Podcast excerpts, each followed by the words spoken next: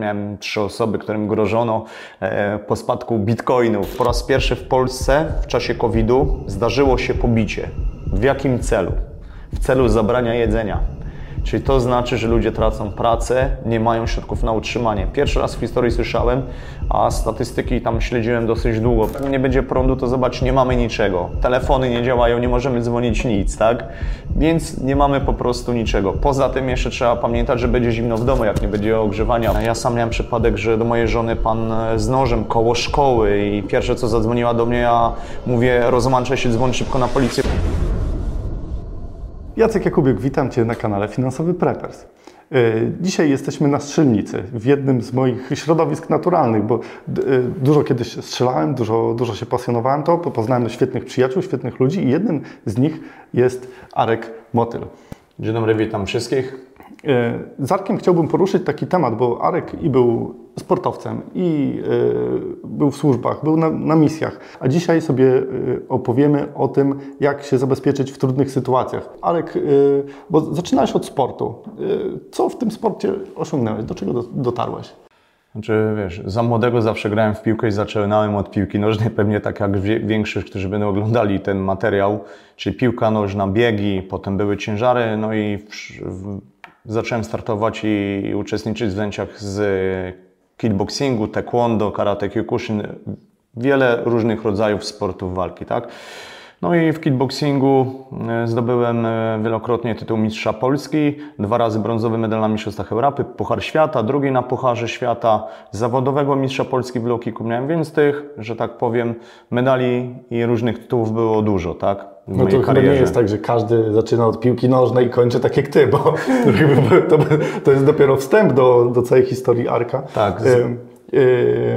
Arek, a później skąd zainteresowanie służbami? Bo idziemy w stronę gromu, idziemy w stronę służb mundurowych. Jak to się stało, że, że chciałeś tam być i chciałeś jakby osiągnąć ten cel, nie? U mnie, wiesz, w życiu było tak, że, że już mój tata był policjantem, więc często przychodził gdzieś tam e, przejazdem, zatrzymywał się czy coś, już widziałem broń, więc już gdzieś tam było. E, większość mojej rodziny to, to wujkowie, drugi wujek strażakiem, kolejny wujek też policjantem i e, i nasz pradziadek był tak w wojsku, więc gdzieś tam to się wszystko kumulowało, brat w wojsku, więc tak to jakoś szło już cały czas. No i mm, Uprawiając te sporty walki poznałem wiele ludzi, no i kiedyś siedziałem na ławce przed dyskoteką z kolegami i szedł chłopak właśnie, który miał mundur e, e, pierwszego pułku specjalnego, czerwony beret, tak, no i tak zaczęła się rozmowa, gdzie ty pracujesz, co robisz, no i opowiedział, że jest taka jednostka właśnie w Lublińcu, jak pierwszy pułk specjalny komandosów,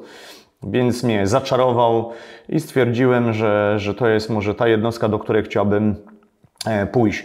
E, wcześniej skończyłem e, szkołę średnią i ja z wykształcenia byłem elektrykiem. Tak, miałem uprawnienia, więc e, przeznaczyli mnie do pracy na okrętach, dlatego że byłem elektrykiem. Ja powiedziałem, że nie chcę iść i w tamtych czasach, jak brat był w wojsku, a ktoś z rodziny był chory, w moim przypadku tata był chory na raka, więc to było tak, że nie musiałem iść do wojska. Więc ja powiedziałem, że nie chcę iść na te okręty. Jedynie gdzie chcę iść, to do pierwszego pułku specjalnego komandosu w Lublińcu.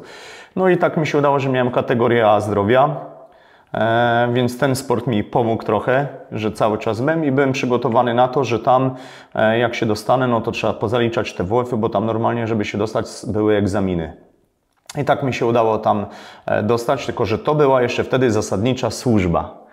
Tą zasadniczą służbę skrócili, bo ona była różnie, dwa lata, półtora roku. Ja jak poszedłem, to już był rok tylko. Potem chyba jeszcze skrócili do 9 miesięcy, już nie pamiętam, bo to był rok 99-2000.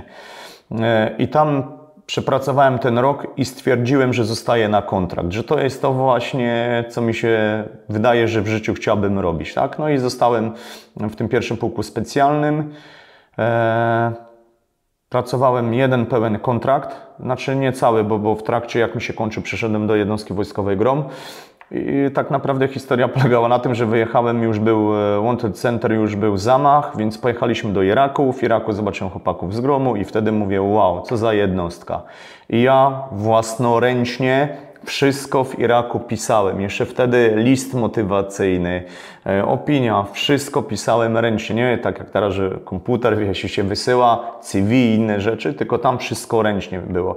Jak wróciłem, to już czekał na mało tego Spakowałem to do koperty, i kolega akurat wracał, dałem to koledze i mówię, zadzwonię do żony, że dostanie kopertę, ona mu musi to przepakować do innej koperty i, i wysłać to. No i żona się mnie pyta, co to jest. Mówię, słuchaj, kochanie, y, musisz to przepakować, jak wrócę już z misji, to ci powiem, co to jest. I ona to wysłała. Tak naprawdę nie czytała, bo to było, wiesz, w dwóch kopertach, tylko było, że dużą trzeba było otworzyć i w mniejsze były te wszystkie papiery, więc wysłała. No i wróciłem i mówię, że jest taka i taka jednostka. Ja grom, bo jeszcze wtedy nie słyszałem, wiesz, o gromie, bo, bo to była tajna jednostka, że wysłałem tam e, dokumenty, tak? No i się okazało, że jak wróciłem, to już czekało na mnie wyzwanie na selekcję. No i tej pierwszej selekcji nie przeszedłem, tak? Nie byłem przygotowany. Na drugą selekcję jeszcze szykowałem. Cały czas byłem w sztosie, bo startowałem w zawodach, więc jakoś byłem przygotowany. Tylko, że e, zacząłem więcej chodzić. Zresztą wtedy pojawiła się pierwsza selekcja też już w Lublińcu, bo w Lublińcu nie było selekcji. Więc tam chodziliśmy bardzo dużo, nawet 70 km w ciągu jednego dnia, więc już byłem przygotowany. Poza tym mm, wiedziałem, że w gromie jest wiele jeszcze innych dyscyplin. Podciąganie na drążku, brzuszki na czas, biegi na czas, 100 metrów, 3000, e, pływanie, pływanie pod wodą, skok z wieży, no i walka wręcz była, tak? Ale to tylko fizycznie trzeba było się przygotować, czy były jakieś elementy, które były By, bardzo istotne? Były jeszcze elementy, że były testy psychologiczne. Bardzo dużo ludzi na nich odpadało, bo testy były robione po całym wysiłku, więc ludzie nie byli w stanie rozwiązywać tych wszystkich zagadnień, które były związane z tymi testami, wiesz, na dobrym wyniku i bardzo dużo osób odpadało. Z tego, co ja słyszałem, to naprawdę dużo, dużo odpadało, tak? E, fakt może świadczyć o tym. Na WF 512 osób było, a, a do gór zostało dopuszczonych 100 chyba 21 albo 117, już nie pamiętam dokładnie. Czyli zobacz, 400 osób odpadło po drodze, tak? Czyli WF psycholog. E, jak już to zaliczyłem, to, to jeszcze nie był koniec. To był drugi etap, czyli musieliśmy przyjechać na wskazany adres, tam była wysokościówka i po wysokościówce dostawaliśmy karteczkę albo instruktor mówił tego i tego dnia macie być w Bieszczadach, czyli następnego dnia zaczynała się selekcja, ale jak my dojedziemy w ten punkt, w te miejsce nikogo nie interesowało. I to było tak, że dostaliśmy namiar i szybko, czy jest jakiś pociąg, autobus, jak nie, to wszyscy e, zrzutka na paliwo, kto miał wolny samochód i tak żeśmy jechali, tak?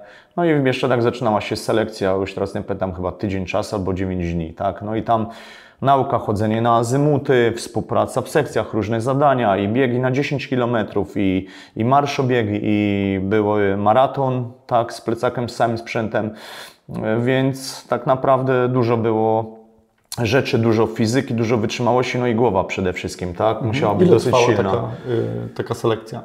Yy, tak jak powiedziałem, między 7 a 9 dni, tak? Mhm. Cały czas w górach chodzisz. Czy to, jest, czy to jest koniec, czy później dalej byliście testowani, poddawani Nie, nie, nie, to nie jest koniec. To jak się dostaniesz do jednostki, to jeszcze musisz zasłużyć sobie, żeby iść na kurs podstawowy. I ja pamiętam, że jak ja przyszedłem do jednostki, to pierwsze chyba 3 miesiące okresu czekania to staliśmy jako wartownicy na warcie, tak? I jak ktoś tam dał ciała, to od razu też mógł nie iść na kurs. I dopiero po tym okresie rozpoczynał się kurs, załapałem się, więc zaczął się kurs. Kurs ten mój trwał bardzo długo, bo to był jeden z kilku kursów, który trwał 12-13 miesięcy. Więc to bardzo dużo, z czego pierwszy okres e, bodajże chyba 12 tygodni to był zielona taktyka, więc w ogóle ja nie miałem kontaktów z rodziną, telefony były oddane i my tam sobie w lesie żeśmy siedzieli i robili rzeczy związane z zieloną taktyką. I marsze, i survivale, i e, łącznie z Zielona taktyka dla widzów, to czyli takie e, radzenie sobie w terenach zielonych, czyli Tak, zielona taktyka to też jest, wiesz, chodzenie po lasach właśnie, czytanie busol, zakładanie różnego rodzaju pułapek, zasadzek, bo to w lesie też dosyć dużo ludzi operuje, więc różne rzeczy, które były związane z survival, zabijanie zwierzyny, tak jak ją przeprawić, jaką zwierzynę. Był instruktor, który nas uczył, łowienie ryb, robienie sobie schronu, jak przeżyć, na przykład była, był survival i letni i zimowy, tak, czyli budowanie jakichś szałasów, więc dużo, dużo tego było, dużo informacji, tak. Mhm. Jak w ogóle jak, przeżyć jak sobie, w takich jak warunkach? Sobie y, rodzinnie wtedy układałeś te sprawy, bo y, z tego co mówisz, dużo Ci nie było, y, nie było z Tobą kontaktu przez parę tygodni czasami, może więcej. Jak to jakby relacje, bo masz też dzieciaki, masz, masz żonę, nie? No, jak, jak ona to przetrwała? Powiem Ci tak, że dała sobie radę znakomicie, tak jak nieraz pokazywała. Mogę powiedzieć taką historię, że pierwsza moja misja jak wróciłem, to mój syn pierwsze co zrobił, to się schował za żonę. I wiesz, dla mnie to jest takie głupie uczucie własnej, syn ci się chowa, nie? I tak patrzy na ciebie, wychyla się za głowy, kto to stoi, tak? Co to za pan? Bo mnie nie było parę miesięcy, więc musiała dawać sobie radę. Ogólnie było tak, że fajnie pracują te jednostki specjalne, e, że zabezpieczają rodzinę. Są jakieś spotkania, rozmowy, my mogliśmy dzwonić normalnie. Cały czas miała jakąś pomoc, nie? To były organizowane jakieś eventy dla nich, jakieś tam pikniki rodzinne, sobie chodziła na Dzień Dziecka z tym dziećmi do wojska, więc fajnie to było robione. Widać było, że te jednostki specjalne dbają o ludzi, nie? To nie jest tak jak w normalnym wojsku, jak ja się pytam kolegów, festyn? Mówię, jaki festyn? Teraz może festyny robię, że samochody stoją, ale nikt nie dawał kobiecie strzelać, mówi, a u nas, wiesz, to było, że mogła sobie strzelić, na przykład z broni był instruktor odpowiedzialny i strzelała sobie dziecko mogło się hamerem przejechać, wiesz, no dużo takich fajnych rzeczy, co powodowało, że jeszcze bardziej byliśmy e, połączeni, tak, tak jak jedna wielka, duża rodzina, nie? Fajnie to wyglądało. Więc ona wiedziała też, że ma pomoc w każdej sytuacji, tak? E, była jedna taka dosyć głupia sytuacja, że ja mówiłem, słuchaj Angelika, no jeżeli coś by się stało, mówię, odpukać, no to prawdopodobnie ktoś przyjdzie, zapuka, no bo zawsze ktoś przychodzi, tylko mówię, prawdopodobnie będzie jej psycholog dwie osoby. No i któregoś tam razu akurat były święta, Wigilia i przed Wigilią ktoś puka. I ona patrzy, chłopak w mundurze, więc oczy jej się otworzyły. To chyba jeszcze było w Lublińcu, jak dobrze pamiętam. Oczy jej się otworzyły i on mówiła, opowiadała, ona mi już potem otwieram drzwi, ciepło mi się robi, był ten, a on zaproszenie daje na Wigilię. W kopercie, tak? A więc ona już przerażona, więc takie sytuacje też były, tak jak, tak jak na filmach po prostu, no nie? A jakieś takie momenty krytyczne, które miałeś, w, czy będąc na misjach, czy będąc podczas służby? Wiesz co, yy, powiem Ci tak, od tego etapu selekcji pierwsze nie przeszedłem, psychika trochę zawiodła, nie? więc psychicznie musisz być mocno przygotowany. To, co w sporcie miałem, zauważyłem na przykład, yy, kiedyś walczyłem walkę i sędziowie powiedzieli, że przegrywam walkę. Nie? I ja byłem tak zażenowany, już rękawice zdjęte i mówię koniec. I powiem Ci, to jest psychika, jednak ma, jest tak tak skonstruowana, że ja miałem takie zawahania. Nie rzuciłem rękawice, nie biję się. I tylko, że byli moi koledzy na gali, żona i dużo znajomych, naprawdę dużo, i dowódca jednostki i tak dalej, zaczęli krzyczeć motyl, to mnie tak podnieśli na duchu, że ja tą walkę wygrałem. Ale w normalnej sytuacji zobacz, Moje podejście było do trenera, oszukali mnie, ja już nie walczę, oszukali mnie, bo ja byłem pewny, że wygrałem. Ja wiedziałem, że wygrałem, tak? Oczywiście była dogrywka i wygrałem tą walkę w K1, ale, ale widzisz, więc to wszystko głowa. I na pierwszej selekcji to samo, wiesz, zimno, coś nie zagrało i ta psychika taka jest.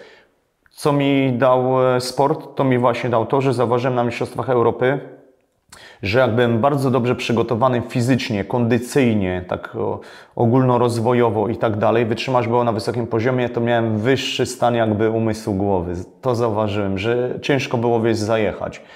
Teraz Ci powiem jeszcze na przykład, bo, bo zadałeś też mi pytanie o, o jak sobie radziliśmy w różnych takich sytuacjach. Fajnie, bo my zawsze mieliśmy siłownię z sobą, jakieś worki, budowaliśmy sobie gym do treningów i to był takie nasz odstresowanie się gdzieś tam na misji. I to było od, od, od zawsze, jak pamiętam, tak? Czyli nie tylko misja i potem, wiesz, ludzie mają PTSD, różne inne komplikacje w życiu, tylko u nas właśnie był czas, dobra, robimy ten sport, nie?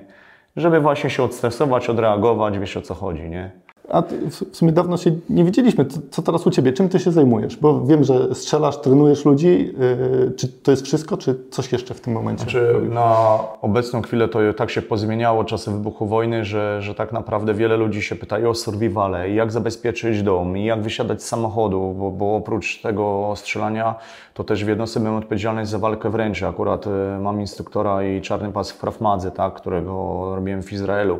Cały czas byłem ukorunkowany w ten sposób, że wiele wiele rzeczy jeszcze teraz robię powiązanych z tak zwanym bezpieczeństwem, tak? Robimy to w ten sposób, że klienci się odzywają, bo bardzo dużo ludzi się pyta na przykład, no Panie Arku, rodzinę chciałbym, co mamy robić, jak wsiadam do samochodu, co się dzieje, komuś ktoś groził, już nawet miałem trzy osoby, którym grożono e, po spadku bitcoinów, tak? Nawet miałem takie osoby, więc, więc no po prostu jest, wszystko się zmieniło od wojny, tak? I o jedzeniu, jak się zabezpieczać i właśnie elementy survivalu. Teraz grupa jakaś 40 osób chce na survival wyjechać parę dni, jak przeżyć właśnie w lesie, jak sobie zbudować szałas. Więc wszystko się zmienia i zajmuję się cały czas szkoleniami. E, łącznie z tym że tak jak wspomniałem, e, zabezpieczanie domu, właśnie na co zwracać uwagę, jak montować kamery, żeby sektory były cały czas ponakładane na siebie, jak to zabezpieczać, bo są włamania. E, teraz ostatnio miałem nowość, dwa tygodnie temu miałem pierwszego klienta, który mi opowiedział historię, że jego dane przechwycili przez telefon, że dzwonili niby z banku, że podaj hasło, potwierdź hasło, imię matki, takie różne rzeczy. I zbierali informacje i co się okazuje, teraz mówi, że kredyt na niego przyszedł, ale bank chyba się zorientował, bo do niego zadzwonił i nie zgadzało się jego o nazwisko jego mamy, panieńskie i tylko, tylko dzięki temu kredytu ktoś nie wziął na, na jego, bo miał prawie wszystkie dane, tak? Więc zobacz, co się dzieje, jak to wszystko po prostu tak ewoluowało, że, że przez telefon jest w stanie dużo danych, więc ludzie nawet jak się zabezpieczać. Ja nawet wczoraj miałem telefon z banku, mówię, wie pani co? Jak pani ma ofertę, to pani mi wyśle ją na skrzynkę, e, tą, gdzie jestem zalogowany na konto bankowe. Mówię, bo ja nie wiem tak naprawdę, czy pani jest osobą z banku, czy nie jest, bo miałem klienta, który miał taką i taką sytuację, opowiadałem, tak? Więc zobacz, jakie dziwne rzeczy się dzieją, tak? No. My też mieliśmy w Mennicy sporo takich sytuacji, że z banku przychodził przelew na wysoką kwotę i od razu ktoś odbierał, bo jakby my działamy szybko, że płacisz i odbierasz, nie? No i z tym złotem, jak już się rozpłyniesz, to już jesteś nie do znalezienia. Jeden z banków miał przez y, pewien czas y, dosyć duże dziury i bardzo dużo kasy stamtąd wypłynęło. Wyobraźmy sobie sytuację. W, jakby mamy przerwę w dostawach prądu, mamy jakieś y, sytuacje związane z brakiem jedzenia czy coś jak mamy sobie poradzić? Mieszkamy w mieście, w bloku i, i co? E, no słuchaj, bardzo ciężka sytuacja. Ja bym w ogóle zaczął od pierwszego, że trzeba by było ustalić, co jest dla nas najważniejsze, tak? Czyli podzielić sobie. Najważniejsze chyba byłoby jednak jedzenie, czyli woda i zabezpieczyć jakieś jedzenie. E, sami wiemy, że do ogrzania naszego ciała potrzebujemy energii, czyli jedzenia, kalorii i tak dalej, tak? O ile spać możemy w śpiworach z rodziną przytuleni, jakby już naprawdę było tragicznie i przetrwamy to. E, więc to by było takie najpotrzebniejsze rzeczy, to moim zdaniem jest paliwo, czyli tak jak w samochodzie jest benzyna, to u nas jest potrzebne jedzenie i picie, tak? Więc e, to bym zabezpieczył. Jak zabezpieczać? My na przykład z żoną robimy tak, że zawsze mam na przykład około pięciu opakowań makaronu i dziesięciu tych opakowań, tam jest chyba po kilogram ryżu. I jak mi się kończy na przykład, zjem około 50-40% zjem, to już dokupuję, żeby nie wyrzucać tego jedzenia, bo tam są też terminy ważności, tak? Tyle jedzenia mam przeliczone, że to jest gdzieś jak będzie ekstrem, ekstremalna sytuacja, że naprawdę nie będzie nic w sklepach, to trzeba poporcjować to jedzenie, więc z automatu jak je skrócę, to ono mi starczy na jakieś 4 tygodnie, to co mamy, tak? Więc na 4 tygodnie mam jedzenia. Wiadomo, że tam jeszcze jakieś konserwy mamy, tak? Turystyczne, pochowane. No i ja jeszcze dodatkowo, wiesz co, takie race, e, tak jak zupki są gotowane, że wodę się gotuje i tak dalej, tylko właśnie trzeba mieć, kolejna rzecz, będzie prąd, żeby albo jakiś palnik na paliwko, żeby ogrzać to, tak, żeby przynajmniej jeden posiłek zjeść w ciągu dnia ciepły, tak. Ja, jeżeli są takie trudne momenty, to wychodzę z założenia, że śniadanie jest jak król, obiad jak szlachta, kolacja jak biedak, tak? Czyli żeby dobrze dzień rozpocząć i żeby pracować w ciągu dnia, no to te śniadanie musi być dobre, nie? Można tu zastosować dietę keto, bo wtedy dużo my z tego tłuszczu korzystamy, nie? E, więc można w ten sposób podejść. Jeżeli chodzi o różnego rodzaju zakupy w sklepach, no to też nie rzucam się i nie kupuję tonami, jak było to podczas e, wybuchu teraz wojny, że nie było nic sklepa, tylko biorę tyle, na ile mogę, bo widzę, jak ludzie powyrzucali to, bo, bo daty się pokończyły, tak? Więc jestem zabezpieczony i wszystko zależy od sytuacji, jak ona dalej się rozwinie, no bo wiesz, założenie tydzień, miesiąc, na jakimś tam jedzeniu sztucznym, czy mało jemy, żeby tylko przetrwać, żeby nasz organizm funkcjonował. Okej, okay, oprócz jedzenia, oprócz tego paliwa. To nie jest co jeszcze, rok. Co, co jeszcze, o czym jeszcze musimy drugie, myśleć? Drugie, drugie to ja myślę teraz, jak zdobyć prąd, albo na przykład jak ogrzać wodę. Czyli tak jak już wspomniałem, palniki różnego rodzaju na paliwa, bądź kuchenki. Ja na przykład na dzień dzisiejszy już z żoną rozmawiamy o tym, żeby kupić agregat. Tylko, że ja mieszkam właśnie w bloku. Tak jak wspomniałeś, to może być najgorsze, co może być. Więc stwierdziłem, że kupimy agregat i mam problem tylko, gdzie trzymać paliwo, no bo muszę mieć w karnistrach paliwa, jakby też zabrakło paliwa. Ale myślę, że jeżeli dojdzie do takiej sytuacji, o której dosyć dużo gazet, e, informacji już się mówi, że, że mogą być go, godziny, żeby od tej do tej będzie prąd, od tej do tej nie będzie prądu, to chcę mieć taki agregacik, trochę paliwa, żeby tam podlać, zatankować i żebym chociaż miał na dwie godziny prądu, żeby cokolwiek zrobić. Wiadomo, że jak nie będzie prądu, to zobacz, nie mamy niczego. Telefony nie działają, nie możemy dzwonić nic, tak? Więc nie mamy po prostu niczego. Poza tym jeszcze trzeba pamiętać, że będzie zimno w domu, jak nie będzie ogrzewania, bo, bo, bo i gaz, i, i paliwo, i prąd, wszystko jest odpowiedzialne za ogrzewanie, bo są różne ogrzewania, tak?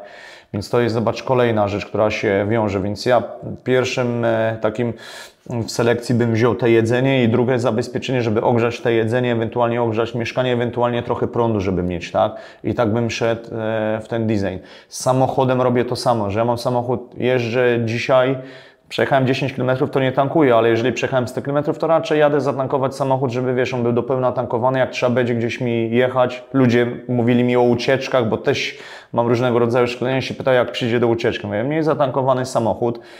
Jest jeszcze coś takiego jak torba, e, która jest spakowana e, i tam biorę jakieś najpotrzebniejsze rzeczy, tak? Mamy dwie, trzy torby spakowane, niektórzy plecaki się pakują i tak dalej.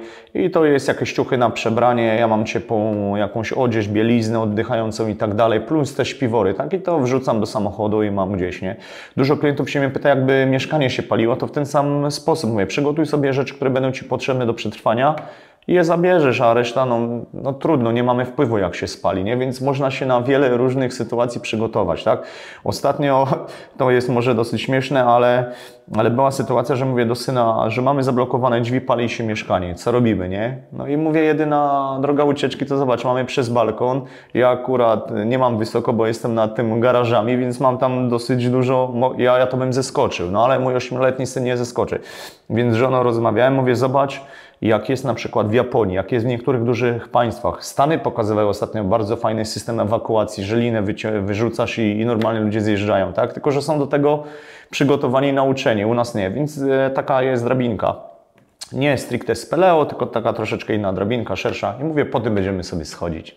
Tu zaczepiamy, wyrzucamy, jesteśmy zabezpieczeni. Tak? Dużo ludzi o takich rzeczach nie myśli, ale jak w bloku odetnie jakieś piętro, no to będzie taka sytuacja dosyć ciężka, tak? Są jeszcze połączenia, wiadomo, na ostatnim piętrze, gdzie można przejść z jednej, z jednej klatki do drugiej, nie? Ale nie zawsze są otwarte, bo u mnie akurat sprawdzałem i no niestety nie da rady. Kiedyś mieszkałem na 13 piętrze i się okazało, że jest przejście, bo winda przestała działać. Jest przejście, ale muszę z siódmego później wejść na 13 z drugiej klatki. No i to też była dosyć niezła przeprawa. 13 piętro to było zdecydowanie za wysoko. Na drabinkę tym bardziej.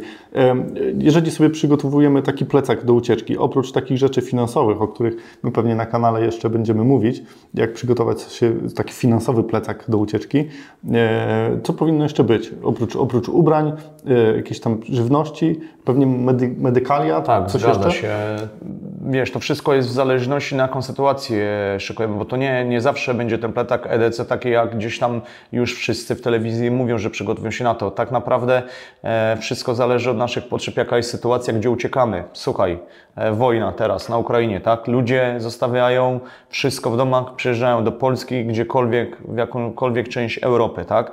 No i każdy z nich jest przygotowany, że bierze to, to i to. Niektórzy nawet zwierzęta zostawiali, niektórzy biorą, nie?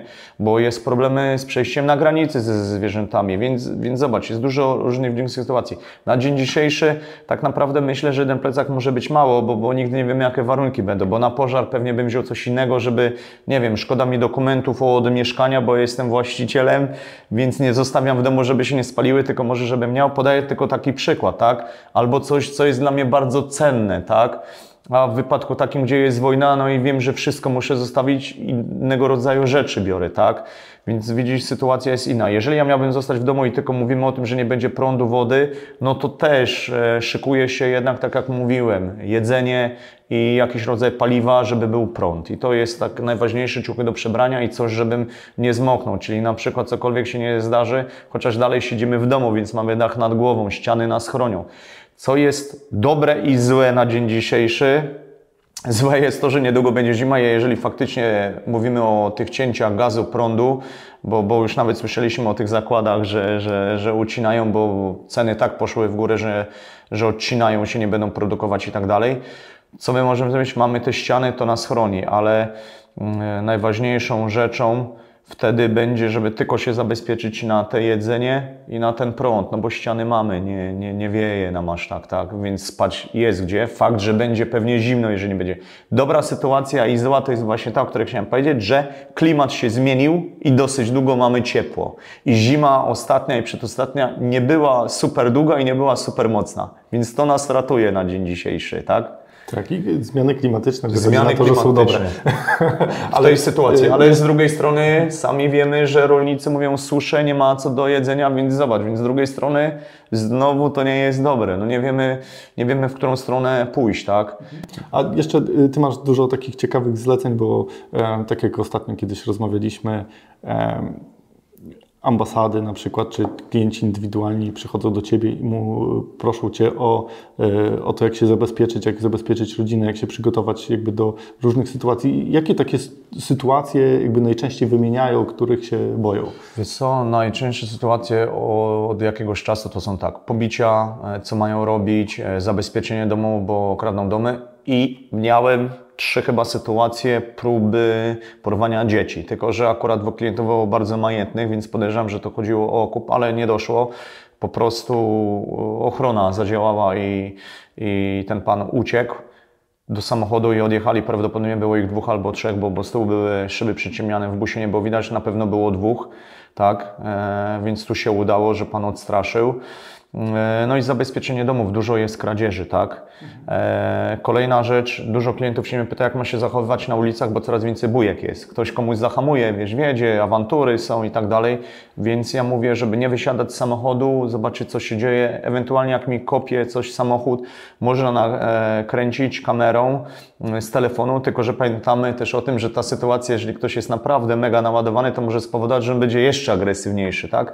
E, zajście z paru miesięcy temu, pan przechodził po pasach, no, nie pamiętam tylko, czy to było w Warszawie, przechodził po pasach, pan jechał samochodem, skręcał, miał zieloną strzałkę, więc skręcił. Nie spodobało się, że za wolno przechodzi przechodzień, więc wysiadł z samochodu i było pobicie z użyciem noża. Pan z samochodu wysiadł z nożem, pobił tamtego, jeszcze go skaleczył, ja, ja tak, więc, więc tak czuję, tych sytuacji jest coraz więcej. Że po covid trochę ludziom nerwy siadają, ale że aż tak...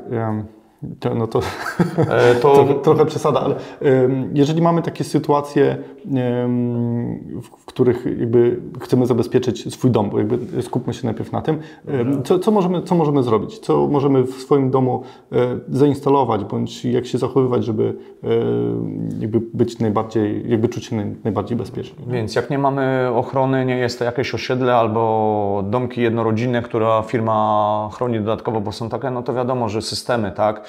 E, systemy i od razu do systemu jest zatrudniona ochrona, która ewentualnie na dany sygnał przyjedzie, tak?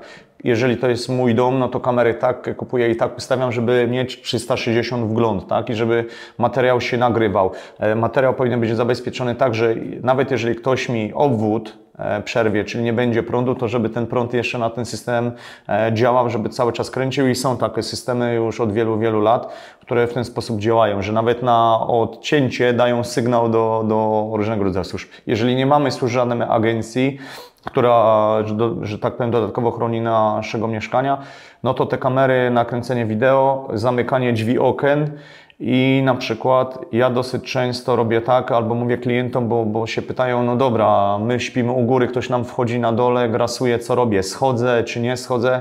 E, ja mówię, że najlepiej zamknąć się, zadzwonić na policję. W ogóle są dwa rodzaje działania, że albo jestem właśnie tą osobą taką, która się wycofuje, albo tą osobą już agresywną, że z góry na przykład krzyczę, słuchaj, wiem, że jesteś, zadzwoniłem na policję, podejdź albo odejdź, bo może pana widzieć, tak? Jak gościu podchodzi, bo jest agresywny złodziej, no to e, mam takie swoje miejsca, gdzie na przykład trzymam gaz, pałkę czy cokolwiek, żeby zareagować, tak?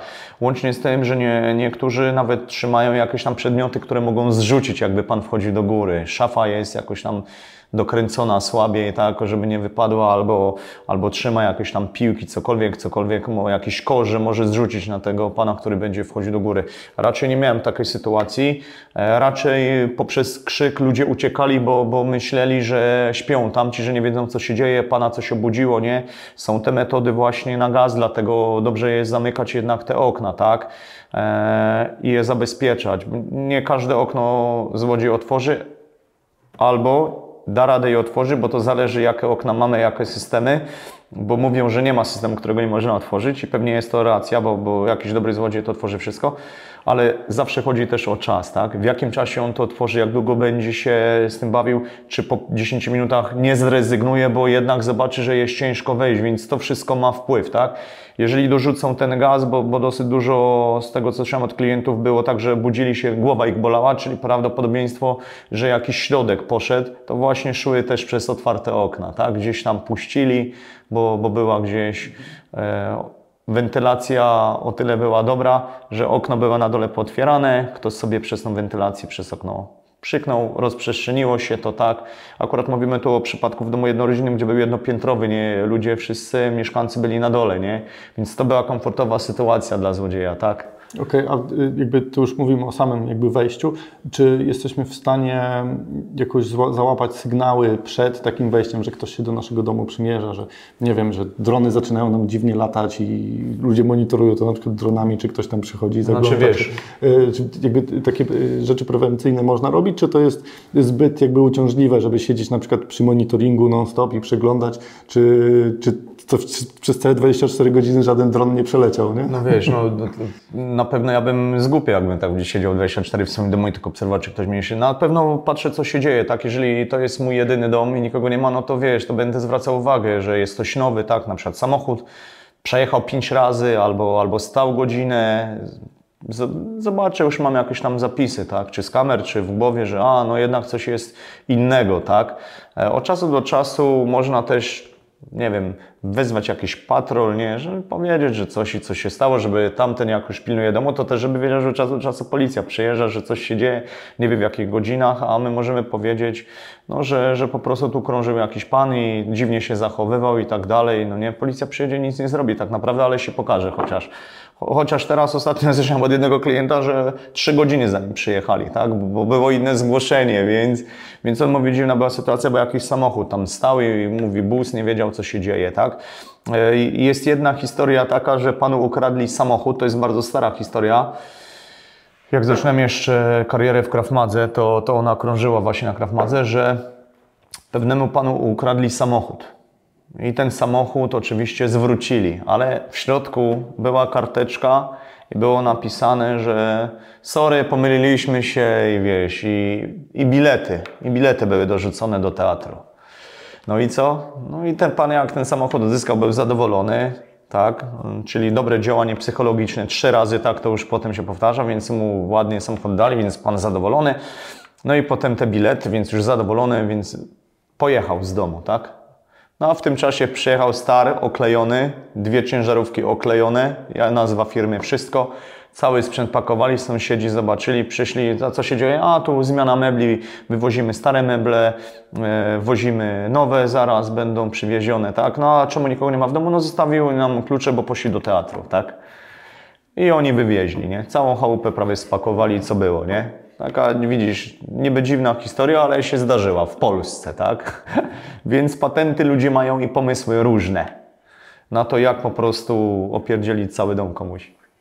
Patent na bilety dosyć ciekawy, a czy jeszcze zdarzyło Ci się um, słyszeć o jakichś takich e, innych trikach, które stosują złodzieje, które są aż tak spektakularne? Eee. No powiem Ci, stara metoda, samochód na butelkę, teraz na stłuczkę, wiadomo, na butelkę dużo ludzi już zapomniało o tym patencie, że samochód stoi na parkingu i wkłada się butelkę pomiędzy koło, jak koło się przykręca, najeżdża, to specjalnie na, jest dopompowana, różnie kombinują, żeby ona strzeliła, Ty wyskakujesz, patrzysz co się dzieje, że czy opona strzeliła, czy coś.